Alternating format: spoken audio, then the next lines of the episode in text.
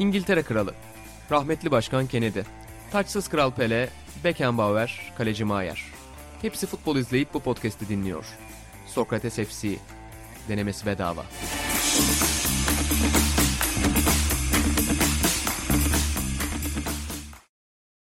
Sokrates Hepsi'den herkese merhabalar. Ben İnan Özdemir, İlan Özgen ve Burak Balaban'la birlikte futbol nabzını, futbol dünyasının nabzını tuttuğumuz programımızın yeni bölümüne hoş geldiniz efendim. Bugün uzaklardan, farklı duraklardan sevgili Burak Balaban ve İlan Özgen'le birlikte inanılmaz coğrafyalara gideceğiz. Önce İtalya'dan başlayacağız. Arkasından da İspanya ve İngiltere'ye giderek Atahan Altınordu'nun yokluğunu çok güzel bir şekilde değerlendireceğiz. Hoş geldiniz. Selamlar.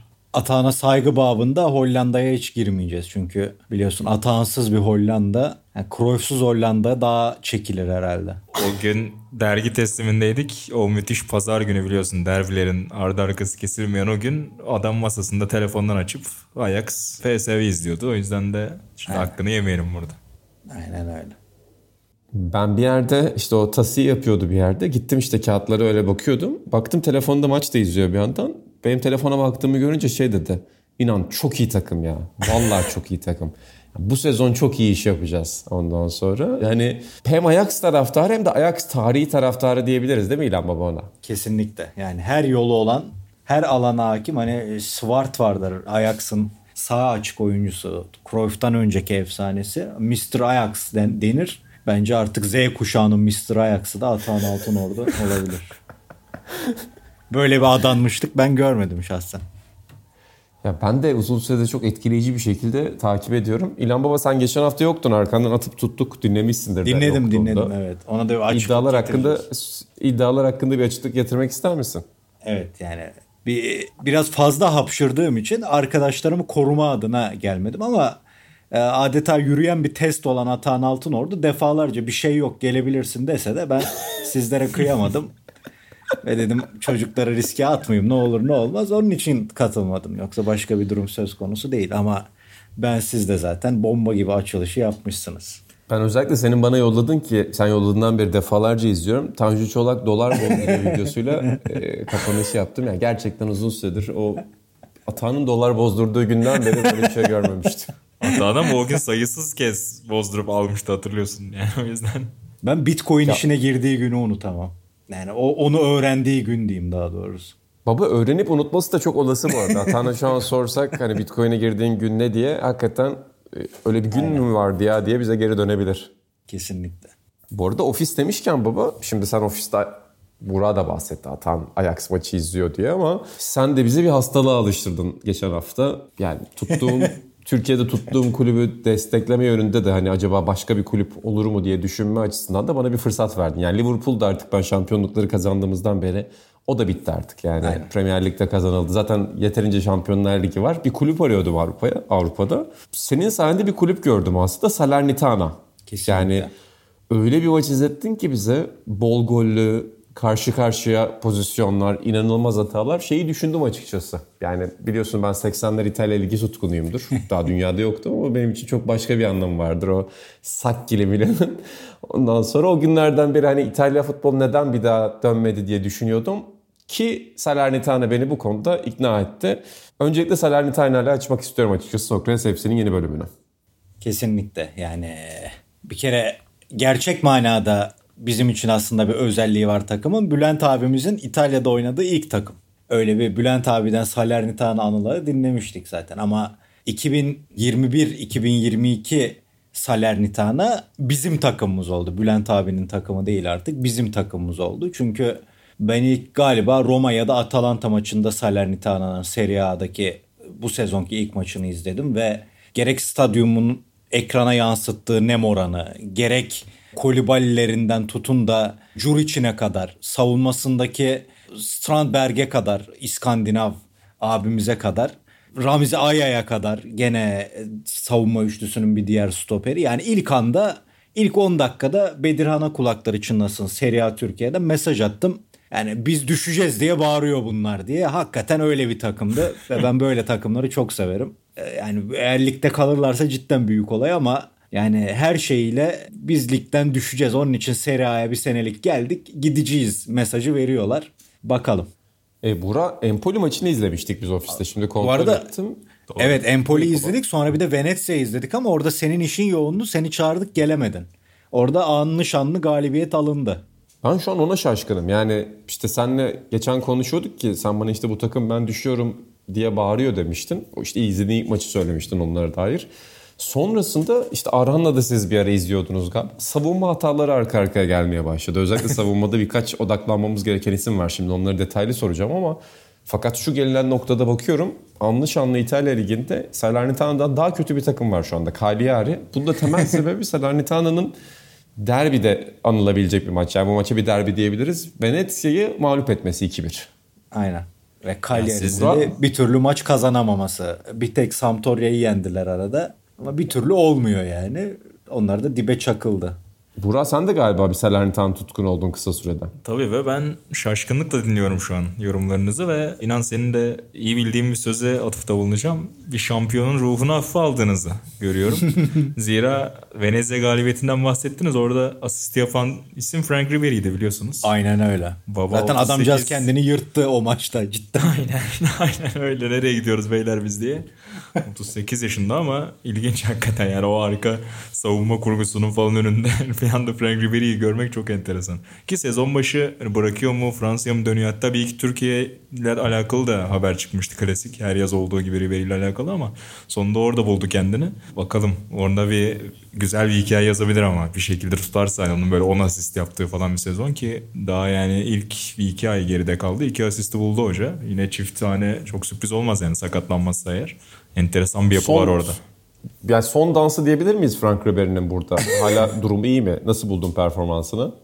Yani hani takımın geri kalanıyla kıyaslayınca çok sırıtmıyor onu söyleyebiliriz rahatlıkla. Ama Ribery'nin son dansları da aktı gitti yani. Hani Bayern'den sonra sanki artık bırakıyor gibi düşünüyorduk. İşte Fiorentina'da da aslında hakikaten çok müspet katkı verdiği maçlarını hatırlıyoruz. İlhan da e, detaylandırır. O yüzden hani bakalım yani oynamayı seviyor, oynamaya devam etmek istiyor belli ki.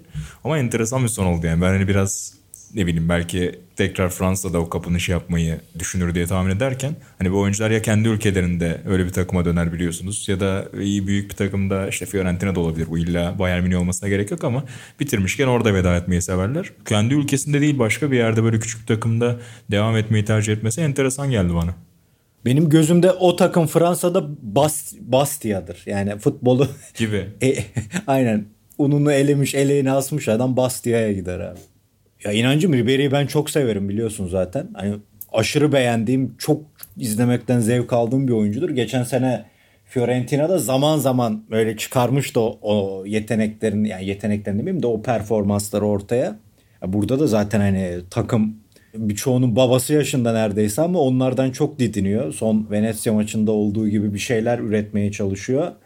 O yönden Ribery'i izlemek tabii ki keyif ama bir yandan şeyin de canlı tanığı oluyoruz. Hani Amerikan futbolunda da deniyor yani wide receiver mı quarterback'i yarattı, quarterback mi wide receiver'ı yarattı? Birçok sporda bu denklem sorgulanır. Ki zaten oyuncuların birbirine ihtiyacı vardır bütün takım sporlarında.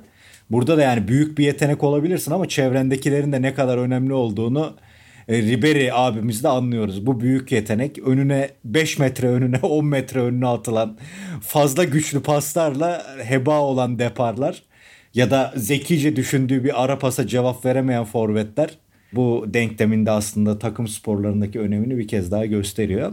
Benim favorim de Santrfor 2 metreye yakın boyuyla Milan Juric. Pivot Santrfor'un artık azaldığı bu dönem oyununda ne kadar önemli olduğunu 1.99'luk boyuyla 2 metre değil dikkatinizi çekerim. 1.99'luk boyuyla sergiliyor. Arhan'la bizim adamımız o. Kaan da çok seviyor onu. Bu arada benim adamım, yani kendisini anmadınız ben de sizi teessüfle karşılıyorum. Görevine son verilen bir önceki Salernitana teknik direktörüydü. Çünkü Tribün Dergi'nin bir tweetiyle ben aslında önce Salernitana'yı öğrenmiştim. Şöyle bir tweet gördüm zamanında yani 19 Ekim'de. İşte dün görevine son verilen Salernitana teknik direktörü Fabrizio Castori bugün Vietri sul Mare e, sahilinde bir bankta tek başına otururken görüntülendi. 67 yaşındaki hoca takımı 22 yıl sonra Serie A'ya çıkarmıştı. Ben Fabrizio Hoca'ya yapılan şeyin biraz Salernitana'nın düşme sebeplerinden biri olacağını düşünüyorum. Yani sadece o muazzam savunma kurgusu değil, vefasızlık da bence bu takımı düşürecek. Kesinlikle ya adamcağız olan yani yapılır mı biraz daha bekle bari en azından ya. Fotoğraf hakikaten çok trajik bu arada ama inan acaba store'da mesajlara mı bakıyor diye de hani telefonu zoomlamaya çalışıyor. Belki de hani öyle takılıyordu baba ama çok yıkılmış gibi bir fotoğrafını bulmuşlar. Bielsa'nın işte su kutusunun üzerinde oturuş fotoğraflarına biraz benziyor. Hakikaten düşerlerse muhtemelen o fotoğrafı hatırlarız bir 5-6 ay sonra. Ya da Atan Bu gibi bir açısı- bilgi yarışması mı oynuyor? Biliyorsun öyle bir bilgi yarışması vardı onun. Kelimelik. Burak- Full konsantre. Bu açı şey bence. Maradona'nın Belçika maçı da 8 kişiyi çalınladığı an. O açı bu. Yani buradan koyarsan her türlü anlaşılır. İki fotoğrafı yan yana getirsin seyircilerimiz o benzerlikleri görecektir. Kesinlikle öyle. Diğer taraftan ben İspanya'ya, Barcelona'ya doğru geçeceğim ama öncelikle şimdi İlhan Özgen'i buraya getirdik ikinci bölümle birlikte. Atahan'la birlikte program öncesi anlaştılar. İlhan Özgen dedi ki bu cuma ben çıkayım. Atahan da dedi ki ben haftalardır bu cuma günü çıkmayı bekliyordum ama olsun dedi. Neyse İlhan Baba burada sana sormak istediğim nokta İtalya'da neler oluyor? Yani benim benim o özlediğim o Salernitanalı Sacchi ile Milan'ın olduğu İtalya geri mi döndü? Zirve mücadelesinde ne durumdayız şu an? Şey 10 yıldır evet inan İtalya bu sene geri döndü. bu sene özlediğimiz. İtalya'yı gördük. Ya İtalya'da Buray'la şimdi Signor ne diyor çalışmalarına başladık ve İtalya ile ilgili bir bölüm yapacağız ilk bölümümüzde. O güzel haberi de verdiniz. Seyirciler Evet, bekliyordu. Orada maçları izlemeye başladık. Podcast'ten birkaç saat önce de ilk maçımızı oynattık. Orada da İtalya ile ilgili ufak bir muhabbet yaptık. Artı onu da söyleyelim Buğra değil mi? Yani Serie A ile ilgili de bir bölüm olacak artık Senior ne diyor da güncel Serie A ile ilgili. Oo. Onun için artık podcast'te bu son konuşma yani bir daha telife girer. Baba nasıl bir format olacak? Bura ya da baba sizden dinleyelim. Nasıl bir format olacak? Gerçekler inan. Serie A'nın yani Serie A'da kafana takılan aydınlanmayan bütün gerçekler o programda olacak. Truth, only truth, nothing but the Aynen. truth inan. Yani öyle söyleyebiliriz. E, şaka bir yana yani tabii ki geçmiş ilk sezonda yaptığımız gibi eskiye dönük o formatlarımıza da devam edeceğiz ama hani ayda bir bölümde hani o ay Serie A'da ne oldu? Zirvede yarış nasıl gidiyor? Öne çıkan maçlar hangileriydi? Takımlar, yıldızlar hangileriydi? Şöyle bir toparlama yapacağız diyelim. 3 haftalık ya da aylık bir süre zarfı içerisinde. Dilerim Adı da İtalyan mutfak olup. Çünkü izlemek istiyorum ben de İtalya'yı bu sene. E, bu programdan sonra da o eski İtalya gibi bu İtalya'yı da takip edeceğim. İtalyan mutfağı düşündük programda Aynen. ama inan Bir kere Atahan'ı yeni geçen sene yeni program anlatırken onun formatı anlatmıştım hatırlıyor musun? Onun gibi bu Hangi da. formattı baba? Onun Ya önerdiği şey- bir format yo, yo. Hayır hayır onun nostaljik küpürlü, küpürlü formatı vardı ya. hani. onu anlatmıştım direkt. Böyle yapacağız Signor'u diye. Onun gibi bu da. Ama İtalyan mutfağı. Evet Ama evet. Çok sevindi, çok sevindim bu habere de. Seyircilerimiz de merakla izleyeceklerdir. Bu izlediğiniz, bugün izlediğiniz maç güncel miydi, eski bir maç mıydı beraber Yok izlediğiniz? bugünkü ilk bölümümüz e, nostaljik bir bölüm. Her, her ay bir program yapacağız güncel seri ile ilgili ama mutlaka yapacağız. Onda da aylık bir rapor sunacağız gibi. Çünkü baktık Sokrates adeta BBC'den fazla Premier Lig içeriği hazırlıyor. Dedik yani bir de seri A yapalım araya. Bakalım. İnşallah layığıyla bitiririz bu sezonu. Çünkü sezon acayip bir sezon inan yani. Hani futbola Futbolu dolu. evine döndürüyorsunuz. Evet acayip dedim baba. Ne, ne anlamda acayip? Hani yok yok. Ger futbolun hakikisi burada. Küme düşen takım bile gerçek futbol oynuyor. Onun için. ya ilginç bir sezon oluyor bir kere onu söylerim. Geçen sene Inter'in çok farkı vardı. Mesela Lukaku diye bir adam vardı. Hani Conte Monte hoca şeyine çok girmek istemiyorum ama yani Lukaku gibi çok fark yapan, fark yaratan bir oyuncu vardı ligde. E diğer takımların da yani sıkıntıları olması Inter'in ekmeğine yağ sürmüştü diyelim. Bu sene biraz daha ortalık şey yani Inter bence hala iyi ama bir bocalama dönemi var. Bir yandan Milan ne olursa olsun kazanıyor. Beni çok tatmin etmiyor oynadıkları oyun ama kazanıyor. E Napoli hem oyun olarak fena değiller hem sonuç alıyorlar Spalletti ile. Ki çok ilginç bir kariyerdir bana kalırsa Spalletti'nin kariyeri. E, Juventus zaten söylüyorduk hep. Yani o orta sahayı yenilemediğin sürece o enerjik yapıyı getirmediğin sürece istersen Juventus tarihindeki bütün büyük hocaları getir. Olacak iş değil. Evet olmuyor. Fiorentina lige çok güzel başlamıştı. İlk 5-6 maç beni çok etkilemişlerdi ama onlar da o seviye takımların e, yakışanını yapıp yavaş yavaş düşüşe geçtiler ama orada da birkaç tane özellikle zaten santrforları Vlahovic birkaç senedir dikkat çekiyor. Oyunu çok iyi bilen, çok iyi komple santrfor özelliklerine sahip bir oyuncu. E bir yandan Mourinho Roma hikayesi var. Çok kısıtlı bir kadroda neler yapacak. Hep çok dedik yani ya Mourinho 100 bin euro harcamazsa bir şey yapamaz. Muhabbetleri hep yapıldı. Bu sene hakikaten harcayamadı ve ne yapacak? E onu izleyeceğiz.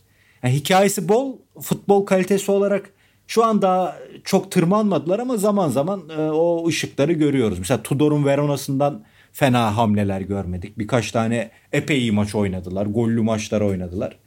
Öyle yani pasta düşen pay bu sefer büyük yani çok şey yok.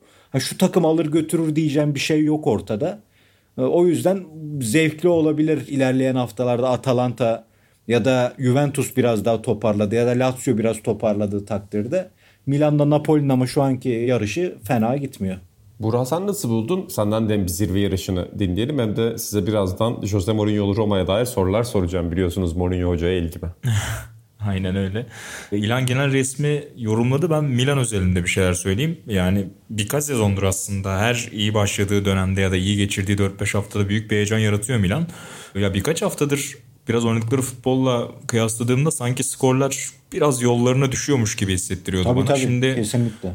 Yani Çetin de bir takvime giriyorlar. Önümüzdeki 4 maç ligde hep ilk 10 takımlarına karşı. İşte Roma deplasmanı var, Inter var, Fiorentina deplasmanı var. Sonrasında Sassuolo var. Hani orada bir bir gerçeklik testine girecek bence Milan. Ben en çok onu bekliyorum şu anda. Orada bir sallanırlarsa yani işte bir galibiyetle falan çıkarlarsa atıyorum. Yine klasik bir kazan kaynamaya başlayabilir. Milan'da ne oluyor ne, ne yapıyoruz gibilerinden. Ama burayı hakikaten güçlü geçerlerse o zaman işte ciddi ciddi artık e, Milan için acaba mı sorularını sorma zamanı gelecek bana kalırsa. Diğer taraftan Roma dediniz. Ben Roma'yı soruyorum İlhan Baba. Kısıtlı kadro dedin ki ben sana ofiste de sormuştum bunu. Ya bu kulübün parası yok mu? Bu kulübün sahiplerinden bahsediliyor diye. Hakikaten bu kulüp para harcamıyor mu şimdi ve nasıl oynuyorlar? Ya nasıl oynuyorlar dedim. Mourinho belli oyuncuların performansını bireysel anlamda yukarı çek çekti. Mesela Pellegrini Sassuolo'da zaten parlamıştı ki Roma'ya geldiğinde de işte Roma'nın bu Cengizler dönemindeki atılımlarından biriydi yani. Zaten Roma'dan yetişme bir çocuk da Sassuolo'ya gitmişti. Oradan gelmişti. Ya da işte Cristante gibi transferler olmuştu o dönem. Ama bir türlü aradığını bulamamıştı Pellegrini. Geçen sene biraz toparlandı. Milli takıma zaten sakatlandığı için yazın izleyemedik onu. Ya bu sene çok iyi girdi. Hatta ona işte bu Conti'lerden gelen Giannini, Totti devam eden ki benim Florenzi de orada olacağını düşünüyordum olmadı. O bayrak adamlık onunla yeni döneme taşınacak diyorlar. Pellegrini çok iyi oynuyor. Neredeyse bütün sağ içindeki Can Smith'i Pellegrini gibi. E bunun yanında Mkhitaryan'ın performansını biraz yükseltti falan. Böyle olunca da birkaç maçta önemli işler yaptılar. Ya da Abraham bence fe- feci iş yapmadı. Yani yaradığı işe kötü bir transfer olmadı ki en şey transferdi. iddialı ve en dikkat çeker, çeken transferdi. Ya bunların yanında kalan kadro yani 3 yıldır Roma'yı izleyen herkes kalan oyuncular bilir zaten ya bir değişiklik yok. Onun için Mourinho için güzel bir meydan okuma olabilir. Dediğim gibi hep transferlerle özdeşleşen bir antrenörken şimdi elindekilerle çözüm aramaya çalışıyor. Zaniolo'yu bence henüz daha şey yapamadı. O beklenen potansiyelini gelemedi. Sakatlıklar falan da etkili olmuştur tabii ama bakacağız. Mourinho onun için bir şans. Ama hakikaten o Zaniolo'yu, o Chiesa'nın yarattığı etkiyi yaratacak oyuncu olarak görülüyor. Ben de beğeniyorum ama Chiesa seviyesinde olduğunu düşünmüyorum öyle oyuncuların performanslarını yükseltmek üzerine bir sistemi var ama yani çok zor uzun süreli bir şey yapması. Yaparsa mucizeye imza atar. Çok kısıtlı bir kadro çünkü yani çok zor, çok sıkıntı. Bunu şundan sordum açıkçası çünkü şimdi Buğra sana döneceğim. Hani hem Roma üzerinden soracağım hem de başka ilgini çeken bir takım var mı ligde onu soracağım sana. Salernitano'dan zaten söz ettik onu tekrar etmeye gerek yok ama çünkü sezon başında Roma kampından ben birkaç demeç duymuştum. Ee, hani Mourinho'nun gelişi sonrası biz uzun süredir böyle antrenman yapmamıştık demişlerdi. hani takımı sezonu çok iyi hazırladığını duymuştum ki çok da iyi başladı geçen sezonki Tottenham gibi ama herhalde bu noktada düşüş beklemek normal. Avrupa'da da çünkü düşüş yaşadılar. Hatta düşüş değil yere vurdular. Tabii tabii işte bahsettiğin Bodo Glimt maçı zaten çok konuşulmuştu. 6-1 kaybettiler. Orada konferans liginde yani demiştin biraz işte elindekilerle aslında ne yapabiliri görmeye çalışıyor. Onun için bir meydan okuma diye ama hoca hemen o maçla beraber hani bizim kadro rakipten kötü demeye başladı. E, oradaki oynattığı oyuncularla alakalı olarak. O yüzden de hani sonuçta Mourinho'yu biliyoruz. Yani şikayet edecektir muhakkak kişiler terse gittiğinde. O da çok büyük sürpriz değil ama evet yani derinlik anlamında çok ciddi bir derinliğe sahip olmadığını farkında. Bence İngiltere gören hocalar işte geçenlerde Conte için de şampiyonluktan önceki sezon yine çok dem vuruyordu. Yani kadrodan ediyor ama hani Serie A standartlarına baktığında aslında fena bir derinliği yoktu o Inter'in de. Inter'in acayip abi hem de yani aynen. Yani orada hatırlıyorsun baba Conte de şikayet ediyor. Çünkü hakikaten evet, Premier evet. Lig'de gerçekten çok derin kadrolar var artık diğer birçok lige oranla. O yüzden de yedekler de bir şekilde rotasyona girdiğinizde idare edebiliyorsunuz ama İtalya'ya döndüğünde hocalar bence o alışma sürecinde hani çok ya ben benim kadrom derin değili net bir şekilde söylüyorlar ama işte geçen sene ya da önceki sezonlarda Simone Inzaghi ve Lazio'da da görmüş ki adam hakikaten 13-14 oyuncuyla oynuyordu. E o yüzden de biraz hani ligin ve kulüp ölçeğinin gerçeğiyle hareket etmesi sanki onu dikkate alması önemli olacak takımların. Ama hani skor olarak ilana katılıyorum yani ligdeki gidişat hiç fena değil Roma için. İşte Lazio'ya belki kaybettiler ama onun dışında Napoli'den puan alan tek takım oldular. İşte Juventus'a çok yakın maç kaybettiler. Öyle ligdeki gidişat fena değil. Onlar da yine hedef ilk 3 ilk 4 olacak. Onun dışında ya birçok takımı sayabiliriz. Ya işte Sassuolo epey sallanarak başlamıştı örneğin ama onlar da toparladılar. İşte Juventus'u yendiler ki zaten birkaç sezondur hakikaten keyifli Sassuolo'yu izlemek. Ee, onu ben ön plana çıkarabilirim orta sıra takımlar arasında. Sassuolo'yu öne çıkarıyorsan güzel çünkü her zaman e, İtalya'da favori takımlarımızdan biridir. Bisikletli olan Tabii. bağları yüzünden. Çünkü yani Mapei gelmiş geçmiş en ikonik 5 tane bisiklet takımı herhalde sayılsa onların başında gelir. Mapei'nin sonraki yatırım olması, stadyumları, formaları o yüzden bütün bunlar bizi bağlıyor onlara ki hakikaten spora yatırım anlamında çok özel bir yerdir Mapei ta 70'lerden itibaren. İtalya'da defterini kapatacağım ama baba sen başta Salernitana'yı geyikle biraz konuşurken Bülent abinin oradaki deneyiminden bahsetmiştin. Açıkçası ben mesela sorarken hatırlamıyordum. Hatta belki de hiç bilmiyordum şimdi cehaletimi hmm. affetsin seyircilerimiz. Güzel. Bülent abi nasıl yani kısaca senden bir dinleyeyim. Bülent Eken nasıl vaktiyle Salernitana'ya gitmiş? Yani Salernitana vaktiyle Bülent abinin gittiği yıllarda iyi bir futbol takımı mıymış? Yok ya şey Seri B takımı Salernitana. Bülent abi oradan Seri A'ya geçiyor sonra. Or orada bir sene oynadıktan sonra. Vay be. Yani o zaman milli takım bu 50 Dünya Kupası elemeleri ya da işte 48 olimpiyatlarına falan katılan, başarılı olan bir takım olduğu için e, o zamanlar menajerlerin izleyebileceği alanlar zaten biliyorsunuz o büyük organizasyonlar. Yani kulüpler düzeyinde Avrupa maçı falan diye bir şey de yok. E, bizim milli takımda o zamanlar başarılı olduğu için yani oralarda sahne aldığı için oyuncularımız görücüye çıkıyor. Yani Bülent abi de orada bir menajerin dikkatini çekiyor. Önce Fransa'ya götürüyor onu. Sonra Fransa'da hatta Racing Paris olması lazım. Takım yanılmıyorsam yanılıyorsam özür dilerim. Sonra da İtalya'ya gidiyorlar. İtalya'da işte Bülent abinin meşhur maceraları başlıyor. Ama yani hatta Serie A'da oynayan çok oyuncumuz var da Serie B'de oynayan hala tek oyuncu olması lazım Bülent abi. Hakikaten güzel bir bağ oldu. Yani Sokrates'te Salernitana'nın bağı düşündüğümden daha da derinmiş. Bundan sonra da takipte olmayı sürdüreceğiz. Hele bu takım bir de ligde kalırsa gerçekten öz, yani özellikle bu sezonun gidişatında devamında. Şimdi ben 5-6 hafta Salernitana sohbetini açmam. Fakat baktım bu takım ligde kalacak gibi artık her hafta bu podcast'in bir 5 dakika 6 dakikasını Salernitana'ya ayırırız. Yani İtalya'nın güneyine sevgiler. Diğer taraftan İspanya'ya dönelim istiyorum. Herkes Burak, Napoli'yi tutar ama esas futbol şehri Salerno'dur diyelim ve kapatalım. O kadar. Gene bulduk bir bahane yani ona. baba baba futbol şehri demişken de ben burada Barcelona tarafını ilk bir özet olarak sizden dinleyeceğim öncelikle. Sonra da biraz Barcelona üzerinden isterseniz total futbol sohbeti de yapmış oluruz. O da biliyorsunuz uzmanlık alanlarımızdan biridir çünkü. Burak sana döneceğim öncelikle çünkü birkaç aydır zaten dergide de işliyoruz. Geçen ay Alper Öcal Barcelona'nın finansal çöküşünü farklı açılardan yazmıştı. Bu ayda Canereler Simon Cooper'le görüştü. Simon Cooper hiç yazılmayan bir konuyu yazdı çünkü yakın dönemde. Barcelona tarihini yazdı ama ilginç bir yana şaka bir yana hem yani kitabın muhteviyatını bilmiyorum ama hakikaten önemli bir iş olabilir. Şu anlamda çok önemli ama zamanlama anlamında kitabı çıkardığı dönem Messi'nin Barcelona'dan gidişine denk geldi. E, o yüzden de Amerika'da ve İngiltere'de çok fazla ses çıkardı kitap. Çok fazla röportaj verdi. En sonunda da Ronald Koeman görevinden kovuldu ki zaten uzun bir süredir Koeman'la Barcelona evliliğinin çok iyi olmadığı söyleniyordu. Yani Koeman'ın oynatmaya çalıştı. Zaten elinde de çok fazla yıldız kalmamıştı belki ama oynatmaya çalıştığı futbol biraz fazla defansif bulunuyordu. Çok kısır bulunuyordu. Oyuncuları oynattığı yer üzerinden biraz tartışılıyordu. Ve sonunda da Laporta ile birlikte bu anlaşma bir noktada artık sona geldi. Şimdi Xavi muhabbetleri var ama Barcelona'da neler oluyor bir senden de dinleyelim. Söylediğin gibi zaten birkaç yıllık o finansal çöküşle gelen bir durumdu. Yani Koeman'ın oyunu belki eleştiriliyordu ama bir yandan da adam ne yapsın sorusunun da aslında çok dolu bir yanıtı yoktu. Bana biraz Lopetegui Real Madrid evliliğini hatırlatıyor. Yani Lopetegui de internet e, internet diyorum. Milli takımda harika bir iş çıkarıyordu. Çok heyecan verici bir yolculuğun içindeydi. Real Madrid'i tercih etti orada. Milli takım bırakmayı seçti ve sonrasında ortalık karışmıştı. Ne orada vaat ettiklerini gerçekleştirebildi İspanya'dan ayrıldığı için ne Real Madrid'de başarılı olabildi. E, benzeri Koeman için oldu aslında. Hollanda'yla gerçekten bir dönüşüm yakalamıştı.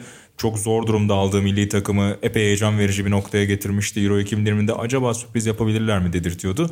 Sonrasında Barcelona'nın teklif gelince orayı tercih etti ve akabinde ne Hollanda istediğini alabildi o şampiyonada ne de Ronald Koeman beklediği gibi Barcelona bulabildi. O yüzden de ben hani çok yükü açıkçası Koeman'a bırakmıyorum. Yani kulüp hakikaten çok büyük bir çalkantı içerisinde. Gerek yönetim tarafında gerek işte ekonomik gerçekler kulübün en büyük efsanesini kaybediyorsunuz. Hal böyleyken zaten çok fazla bir çıkar yolu yoktu. Ve şimdi söylediğin gibi haberler özüne dönme yolunu seçeceği yönünde Barcelona'nın ve Xavi zaten geçen sene de aslında konuşulmuştu. Koeman gelmeden önce de ihtimal olarak masadaydı. O zaman tercih etmemişti Xavi. Şu an ise biraz daha olumlu baktı yönünde. Her ne kadar Asa konuşmuştun ve şu an Alsat'taki e, işime odaklandım gibi bir cümle kurmuş ama yani çok ikna olmadım ben açıkçası naçizane. E, çok odaklandığını sanmıyorum yani Barcelona'dan bir teklif varken Al-Sad'la yaptığı işe. Hal böyleyken ki zaten işte Mundo Deportivo da vermiş. Kulübün de uyum sağlayacağını yani Xavi'ye e, anlaştığını, önünü açacağını, Barcelona'nın resmi teklifini beklediğini söylüyorlar. Şu anki tüm haberler birkaç gün içerisinde belki hatta biz podcast yayınladığımızda Xavi Barcelona evliliğinin başlayacağı yönünde. Ya bir yandan çok garip bir şey çünkü işte senin de bahsettiğin gibi iki senedir, iki buçuk senedir bu haber sürekli ortalarda dolanıyor. Yani Xavi Barcelona'nın başına geçecekti ama yani Xavi de herhalde tartışma yok ki çok akıllı bir adam. Yani Koeman akılsız demiyorum ama Koeman'ın elindeki kartlar biraz daha zayıftı belki de. Yani Koeman Barcelona'nın kapısına geldiğinde bir daha Barcelona kapısının ona çok da fazla açılmayabileceğini yani böyle bir fırsatın kaçmayabileceğini düşünüyordu. Ama herhalde Xavi şeyin farkında. Yani o kapı sürekli orada ve Xavi istediği zaman Xavi oraya gider. Çünkü oyunculuk günlerinden beri yani ta Pep Guardiola'nın altında o kariyerinin zirvesine çıktığı yıllardan biri ki Barcelona'nın 90'larda Barcelona kapısından giren bir efsaneden bahsediyoruz. Herkes Xavi'nin bir şekilde antrenör olacağını söylüyordu. Zaten saha içerisindeki rolünden de ötürü böyle bir tutum vardı ama Katar deneyimi herhalde burada çok belirleyici olmayacaktır. Burada İlhan Baba'ya ben döneceğim. Yani güncel Barcelona'dan ziyade sana şunu soracağım baba. Xavi tipi oyuncular yani böyle saha içinde komutan olan oyunculara, saha içinde oyunun her şeyini yöneten oyunculara dair NBA'deki point kartlar gibi biraz direkt çok iyi antrenör olur gibi bir algı var. Fakat sen bu algıya nasıl bakıyorsun? Yani bu çoğu zaman doğru mu çıkıyor yoksa e, bunun aslında çoğu zaman da gerçekleşmediğini görüyor muyuz? Orada bir ayrım var bana kalırsa naçizane. Ona geleyim. Ama önce şeyi anlatayım. Sandro Ciotti diye bir abimiz vardır. Böyle çatlak sesiyle maç anlatır. İtalya'nın 60-70-80'li yıllardaki efsane anlatıcılarından hatta yakın döneme kadar da anlatıyordu. Hatta Kab şeyin Şireya'nın ölüm haberini filan da canlı yayında veren odur. Çok böyle ikonik bir sesi vardır. Yani ben o kadar taklit yeteneğim yok maalesef. Keşke yapabilseydim ama Sandro Ciotti yazarlarsa duyarlar. Bunun Profeta del Gol diye bir Cruyff belgeseli vardır. 70'li yıllarda yaptı. İlginç de metotlar kullanılmıştır. Ben onu Sertan abiye, Sertan Ünver'e önermiştim.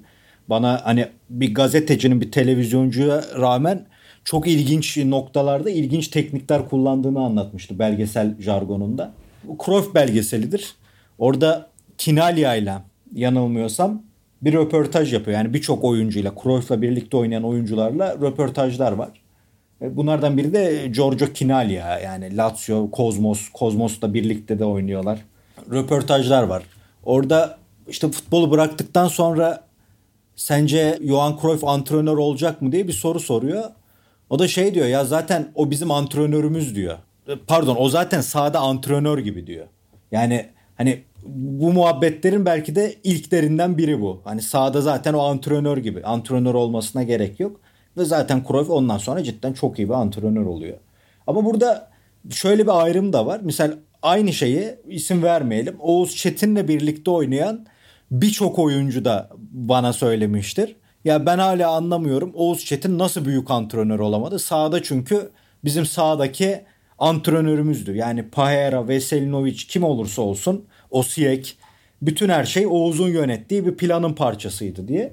Şimdi burada da bence kişilik devreye giriyor. Yani Cruyff nasıl büyük futbol aklının üstünde iletişim kabiliyeti ya da kendini dinletme, insanlara üstünlük kurma kabiliyeti varsa demek ki yani muazzam bir futbol zekası. Benim izlerken açık ara en çok büyülendiği futbol zekasından, pas seçimlerinden, pas şiddetinden, pas tercihlerinden çok büyülendiğim bir oyuncu Oğuz Çetin'in o futbol görüşüyle birçok antrenörden belki de futbolu daha iyi görecekken oralara gelmemesi bununla açıklanabilir. Yani bunu hep söylüyoruz. Futbolu bilmek birçok antrenör futbolu elbette biliyordur ama onu karşındakine aktarmak, bunu aktarırken farklı özellikleri ön plana çıkarmak ve düşüş anlarında ya da kriz anlarında o egoları yönetebilmek de antrenörlüğün bir parçası.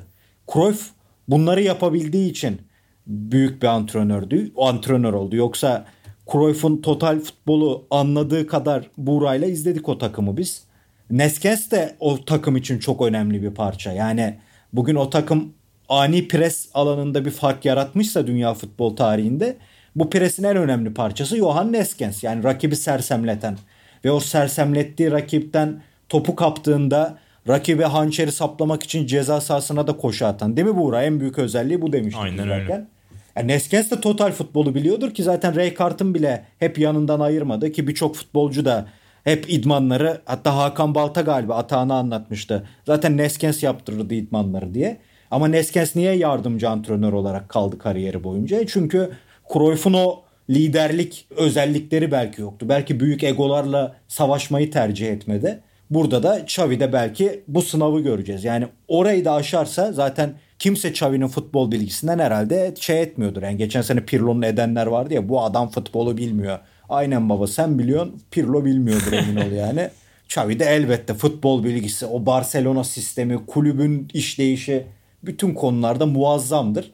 Ama işte şunu da unutmayalım. Koeman da Cruyff'un sisteminde Guardiola'dan önce daha Guardiola ortalarda yokken hani bana bu adamı alın ben sistemi bunun üzerine kuracağım dediği bir futbol aklı aslında. Yani çok ağır, çok hantal, savunmacı olarak çok eleştirilebilecek yönleri varken o ayak hassasiyeti, pas kabiliyeti, oyun görüşü, hücuma, gole katkısıyla dünya futbol tarihinde yer etmiş çok önemli bir oyuncu. Futbolu bilmiyor mudur? Elbette biliyordur.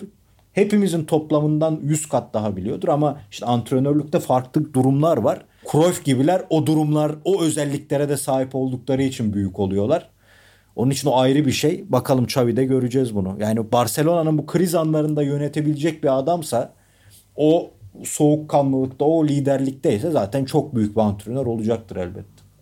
Sana katılıyorum orada kesinlikle. Yani işte Xavi'nin avantajı dediği bir şey biraz da orada. Şimdi Kuman senin bahsettiğin gibi yani Kuman'ı Türkiye'de kimseye anlatmaya gerek yok. Ve ben özellikle bizden büyüklerin jenerasyonları için. Yani benim babamların jenerasyonun en tapta oyunculardan biri. Zaten birçok kişi bunu söyleyecektir. Ama belki de hani yakın dönemde Xavi'nin Barcelona kültürü içinde yükselmesi ona bir avantaj olacak. Çünkü aslında Barcelona içinde, büyük kulüpler içinde şunu söyleyebiliriz ki hiçbir kolej hüviyeti falan yok bu takımlarda. Yani birbirimizi kandırmayalım. Herkes birbirinden nefret ediyor büyük kulüplerde. Hatta yani dünyadaki bütün büyük şirketlerde. Yani bugün Apple'ın içini okuyorsun. Herkesin birbirinden tiksindiğini okuyorsun. Sonra oradan biri öldüğü zaman herkes diyor ki ha biz çok güzel eğlenirdik, çok güzel şunu yapardık, bunu yapardık. İşte yani Los Angeles Lakers da en iyi döneminde birbirine girmişti. Zaten büyük takımlarda hep birbirinin kuyusunu kazmak isteyen birçok insandan oluşuyor. Belki de Xavi'nin avantajı hani Pep Guardiola'nın zirve yaptığı yıllarda da, Ray Carter olduğu yıllarda da, sonrasında da yani Luis Enrique ile de bu takım Şampiyonlar Ligi kazanırken Xavi hep oradaydı herhalde Barcelona'nın yakın dönem işte sırlarını, pis işlerini, şunlarını bunlarını daha iyi biliyordur buradaki birçok kişiden. Zaten çekincesi de o bence. Yani burada zaten kendisi de söylüyordu. Birçok kişinin de ona bu yönde tavsiye verdiğinde söylüyordu. Hani benim kuyumu kazabilecek çok fazla opsiyon var burada. Takım da kalitesiz, çok fazla para da harcanmıyor ya da belli açılarda vasat kaliteye sahip. O yüzden gelmeyeyim çekincesi vardı muhtemelen. Burak sana tekrar döneceğim burada. Bu oyuncuların işte bu tip oyuncuların koç olması üzerine sen neler düşünüyorsun? Yani Jason Kidd örneğini bir daha vereceğim ben burada. Herhalde Jason Kidd en çok kafamızı karıştıran insan. Yani basketbolu bilmediğini iddia edemeyiz. Çarpılırız basketbolu bilmediğini iddia edersek ama yani bir koçluk kariyerine bakıyorsun. Şimdi Dallas Mavericks de kendini yeniden kanıtlamaya çalışıyor ki belki de hiç o şansı bir daha almayabilirdi ama öyle bir karizması ve NBA içinde öyle bir yeri var ki bir şekilde üçüncü şansı da almış oldu. İki şansı değerlendiremedikten sonra. Bir yandan Steve Nash'i görüyoruz. Steve Nash de şu anda Brooklyn Nets'te büyük bir krizin ortasında, büyük bir krizin pençesinde oturuyor. Bu oyuncular için, bu tip dehalar için hep söylenen bir şey ama hakikaten göründüğünden çok daha zor bu tip bir geçiş yapmak. Hakikaten çok üzüldüğüm bir konu bu arada. Kids ya küçükken en sevdiğim oyunculardan bir tanesiydi çünkü ve dediğin gibi o zekası, oyunu, kortu okuma becerisi çok çok özel kılıyordu onu. Sonrasında işlerin antrenörlük tarafında nasıl bu kadar ters gittiğini birçokları zaten anlayamıyor. Bir de, de ilginç bir tarafı da var Kid'in bilmeyenler için. Hani mesela Monty Williams konusunda hani yetersiz görüldüğü için bir beğenmeme vardı hatırlıyorsun Suns'dan önce. İnsanlar burun kıvırıyordu ama Kid'de biraz daha hani kötü insan bu çok da yapıştırılmaz ya. Hakikaten birçok insanın hani kötü, entrikacı, işte şöyle böyle hani böyle bir imajı da var. O yüzden hakikaten kedin geldiği yer enteresan.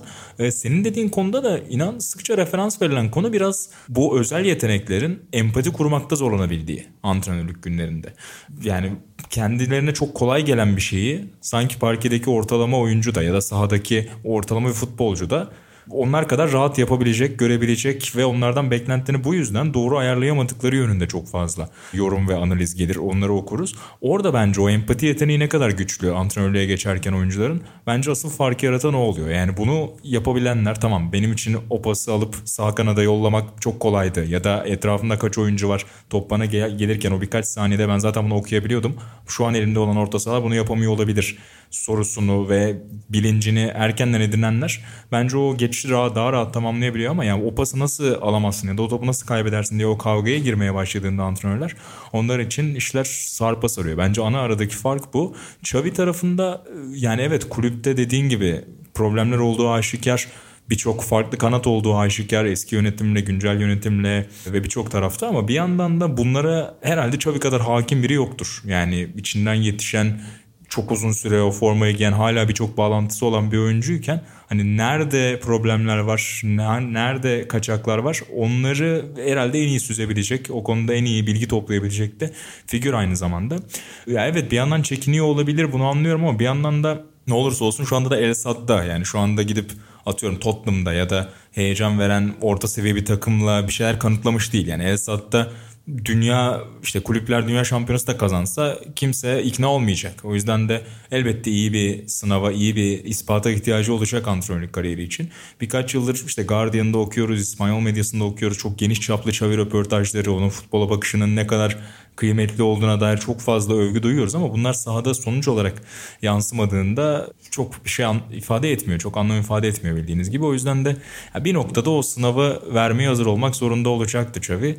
Şu anda sanki doğru adım gibi görüyor olabilir. Zaten daha kötüye gidemez. Bence onu da söylüyor olabilirken. Yani Kuma'nın geldiği süreçte çünkü bu kadar aslında Bozdoğan'ın altında neler olduğu belli değildi hatırlarsan. Yani Xavi onu biliyor olabilir o an ama Kuman bilmiyor da olabilir. Yani evet bazı şeyler ters gidiyor olabilir ama hala çok iyi bir kadro var. Hala Messi var şu var bu var diye belki de geldi ve sonrasında infilak etti. Kulübün hem ekonomik hem de yönetimsel taraftaki sıkıntıları. Xavi şu an zaten berbat bir durumda olduğunu imajın farkında. O yüzden de buradan anca yukarıya gidebilirim diye de düşünüyor olabilir bence önümüzdeki senelerde. Ee, bu konuda son bir sorum olacak size tabii ki ama sen andığın için söylüyorum Buğra. Daha önce bin kere söyledim çok FC'de ama yani bahsettiğin o Guardian röportajı bir tane Soulfood röportajı tabii, tabii. vardır Xavi'nin ünlü. Ya benim hep söylerim bir sporcudan okuduğum açık ara en iyi röportaj. Yani bunu bütün sporlar için söylüyorum. Tarihte de bunun çok fazla örneği vardır. Mesela Draymond Green'in de şu an bir röportajını dinlediğinde insan tapıyor yani. Müthiş bir taktisyen o da. Chris Paul'u dinleyin bir pick and roll anlatışı var inanılır gibi değil. Atıyorum yani Birçok oyuncuya bunu söyleyebilirsiniz. Birçok oyuncunun anlatış biçimi çok iyidir ama ya Xavi'nin o röportajı Guardian'da Sidlov'a verdi röportaj. Zaten muhtemelen Sidlov'un da kariyerine bir başka eşeğe taşıdığı şeydir. Yine o Softfoot'ta, Softfoot'ta biraz daha uzundu. Guardian daha soru cevaptı. Yani Softfoot'ta anlattı. O sahadaki boşlukları görme becerisini anlatma şekli gerçekten akıl almazdı. Herhalde iyi taraflarından biri de şey olur. Antrenör olarak geri döndüğünde tekrar şeyden eminiz yani. Konuştuğu zaman kod makinesi gibi böyle sürekli insanların alıntı yapacağı bir şeyler bizlere söyleyecektir. Diğer taraftan İlhan Özgen az önceki açtığın konudan sana bir son bir soru sorayım. Yani bir konumuz daha vardı ama güzel iki yani Salernitana ve Total Futbol iki eşit güzel futbol konusu olarak yeterli geldi seyircilerimize. İngiltere konumuzu ben haftaya doğru iteceğim. Haftaya sansasyonel bir İngiltere konumuz da buralarda oluruz tekrardan. Total Futbol dedin sen. Total Futbol'da başka böyle ya ulan bu kesin antrenör olup de, denen ve sonra yaşamında antrenörlük görmemesine şaşırdığın biri var mı senin? Yani Cruyff tabii ki çok ünlü bir örnek. E atıyorum sonra Barcelona'ya bakıyoruz. Pep Guardiola o kültürün bir parçası olarak Cruyff'tan etkilenenler olarak çok iyi bir örnek. İşte Rijkaard örneği daha önce vardı ama sonrasında bir şey olmadı Barcelona sonrasında. Senin öyle aklına gelen örnekler var mı? Ya bu nasıl antrenör olmaz dediğin? Yani antrenör oldu da sonra bıraktı Gullit var misal yani. O da senin sahayı, sahayı görme biçimi açısından en hayran olduğun futbolculardan biri Ve herhalde. çok şey görüyor. Yani hani Cruyff içinde o konuşulur. Her yerde oynayabiliyor ki Buğra ilk onu gördüğünde ağzı açık kalmıştı. Ben Buğra'nın bu tepkilerini izlemeyi de çok seviyorum. Çünkü hani ben artık o kadar ezberlemiş durumdayım ki bazılarını bir- çok sıkıcı oluyorum. Buğra heyecan katıyor bana. Hatırlıyor musun Buğra? Leeds United Barcelona maçı mıydı? O offside'ı bozan hatırlamıyorum ama. offside'ı bozan arkadaşını görüp libero'ya koşu atıyordu. Evet evet Hani o sahne aklımda. Yani rakibi tam Sahanın geneli hakimiyeti muazzam bir şey Cruyff'ta. Gullit de öyle bir oyuncu yani. Hani stoper oynuyor, bek oynuyor, orta saha oynuyor, sağ açık oynuyor, ikinci forvet oynuyor. Ya sahanın her yerindeki bilgisi çok iyi. Elbette merkezde bir yerden daha iyi oynuyordur ama o açıdan Gullit olabilir o takımda. Mesela Davids olabilir. O çünkü Ajax'ın tıpkı Neskens'te konuştuğumuz o ilk pres vurma oyuncusu olarak Van Hal'in Ajax'ında Davids'in yeri çok önemli ama o hiç o işlere o da girmedi. Yanılıyorsam özür dilerim. Başka kim var? Mesela Kroll de çok başarılı olmadı ki o da özellikle e, bek oynadığında da tabii önemli ama libero oynadığında da yani tüm sahayı görmesi, işleyişi görmesi açısından önemli bir oyuncu. Ama en çok şaşırdığım evet fena da başlamamıştı bu arada. Rijkaard da öyleydi. Rijkaard'ın da Gullit'in de çok daha iyi antrenör olabileceğini düşünürdüm. Kariyerlerine ve stillerine baktığımda. Baba Ruth Kroll dedin. Ruth Kroll de benim için çok önemli bir total futbol oyuncusudur. Çünkü ya Sokrates dergi iki kere röportaj verdi. Sadece bir kere değil iki kere röportaj verdi ve ya artık Sokrates Şöhretler Müzesi'nin bir parçası da Ruth Kroll. İngilizcesi da de- üzüldüm açıkçası. İngilizcesini geliştirmek isteyenler röportajı isteyebilir bizden. Nasıl? Bir de baba biz onunla ya dergi olarak şimdi kimler konuşmuştu hatırlamıyorum. Sanki bir Bu- tanesini de ben yapmıştım. Buğra ben- Birini Caner abiyle sen mi yapmıştın? Buğra ben, Caner abi ben. Sen bizim yanımızdaydın Ben- Caner abiyle yaparken evet. Tamam şimdi hatırladım. Herifin şeyde olduğunu hatırlıyorum. Neredeydi bu herif? Bir Afrika, yerdeydi. Güney Yani Afrika. Hol- Ya inanılmazdı o da ya. Zaten ben çok seviyorum böyle işte Fransız efsaneleri de şeyde yakalıyoruz hep. İşte Afrika Uluslar Kupası'na katılan bir ülke. Yani bir turnuva öncesi de bir turnuva sonrası oluyor. Ee, Ruud Krol de ki Atan Altın orada da Hollanda futbolunun zaten bütün şifreleri ve efsanelerin telefonları var. Efsanelerin ailelerinin de telefonları var. Neskens de dahil olmak üzere. Ruud Krol de bizim için çok önemlidir. Onunla da bitirmiş olmak beni çok mutlu ediyor açıkçası. Krol her seferinde telefonu kaparken atağına selamlar diye notunu iletir yani. Öyle bir adam ki Ajax. Bu arada Xavi'nin bir avantajını da unutmayalım. Onu es geçtik. Ligi tanıyor. En önemli. Baba. Bunu unutmayalım. Baba zaten o en önemlisi o yani. Hani bir de biliyorsun tiki takayı da iyi biliyor. Yani alacak Kesinlikle. verecek o pası onları da çok iyi biliyor. Ben Xavi'nin fark yaratacağını düşünüyorum o anlamda. Buradan desteğimizi de esirgemeyelim kendisiyle. Keşke bir gün bir röportajda yapabilsek. Aynen öyle. İlk sorum herhalde şey olur baba. What do you think about total football? Böyle bir soruyla açmak lazım röportajı. İkinci de and what do you think about Turkish football? Bitti zaten. Röportaj gibi röportaj. İnan Burak'ın güzel bir örnek verdi ya az önce. Hani sahadaki yeteneksizliği adlandıramıyorlar, anlamlandıramıyorlar. Yetenekli oyuncular antrenör olunca diye. Benim hep baktığımda Jantigan'a bir Beşiktaş maçı sonrası kızıp orta sahada bu kadar nasıl pas hatası yaptığımızı anlayamıyorum demişti. Benim için bunun simgesi bu isyandır. Ya baba sen anlayamazsın tabii yani. Hani Hakikaten. sen çünkü pas hatası yapmıyorsunuz. Jires sen Platini. Siz yani günah sizde pas hatası yapmak ama onlar yapıyor normal insanlar. Marcello Lippi de iyi antrenör olmasına, kötü bir futbolcu olmasına böyle bağlıyordu. Çünkü hayatım boyunca yeteneğimle bir şey yapamayacağımı bildiğim için sisteme sadık kaldım diyor. Bunlar farklı şeyler, farklı olaylar cidden. İlginç şeyler. Baba kesin öyle. Geçen podcast'te de ben örneğini verdim işte o Faryoli'nin cümlesi beni çok etkiledi diye. işte dergi mesela iki günde piyasada olacak, iki günde piyasada olacak. Orada okursunuz Buğra ve Aran'ın çok güzel bir röportaj. Hani o San Siro'da o pası ben atmadım ki o pasın zorluğunu bileyim. Aynen. O da çok güzel bir cümle mesela. Yani bazı eski efsaneler o efsaneliğin avantajını çevirebiliyorlar. Mesela ben Steve Nash'i bu anlamda çok seviyorum. Hep basketbol örneği veriyorum. Şimdi Atan olsa kızardı ama yani Steve Nash mesela şey konusunda çok rahat. Basketbolu çok iyi bildiğini biliyor. Ama Kevin Durant'e basketbol öğretmeye kalkmıyor. Yani Kevin Durant'in ondan da daha iyi basketbolu bildiğini ya da ondan da yetenekli olduğunu biliyor.